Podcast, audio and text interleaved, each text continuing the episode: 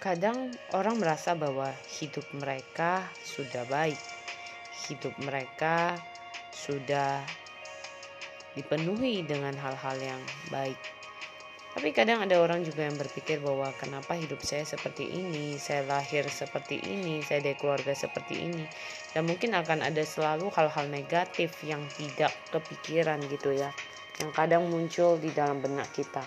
Dan hari ini para podcast listener yang mau saya sharingkan adalah bagaimana cara kita bisa belajar ya. Belajar bahwa kalau misalnya hari ini sebenarnya pola pikir kita itu yang berpengaruh sih ya uh, mindsetnya kita. Karena apa?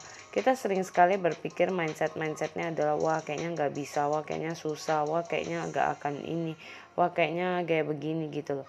Nah karena seringnya kita berpikir seperti itu sadar tidak sadar sebenarnya itu jadi mempersulit apa yang harusnya kita bisa capai Jujur saya pribadi juga pernah mengalami hal seperti itu. Namun seiring waktu saya jadi belajar ya, pribadi saya bahwa belajar dari komunitas orang-orang positif bahwa ternyata kadang kita itu harus benar-benar bisa melakukan dengan baik yaitu uh, kita itu harus bisa membedakan gitu loh. Kalau memang bukan berarti kita itu harus selalu hidupnya kayak baik, pada ada masalah kayak harus kelihatan oke, okay, you okay gitu enggak.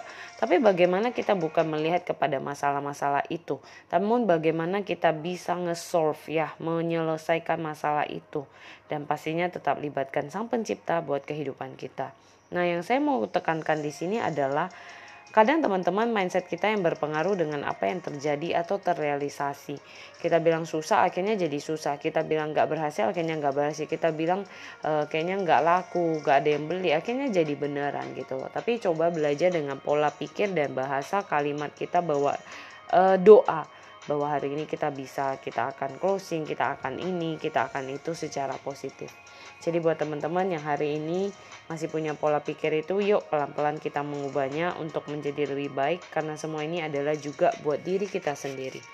Jadi selalu tetap lakukan yang terbaik dan jadilah inspirasi di mana pun kita berada.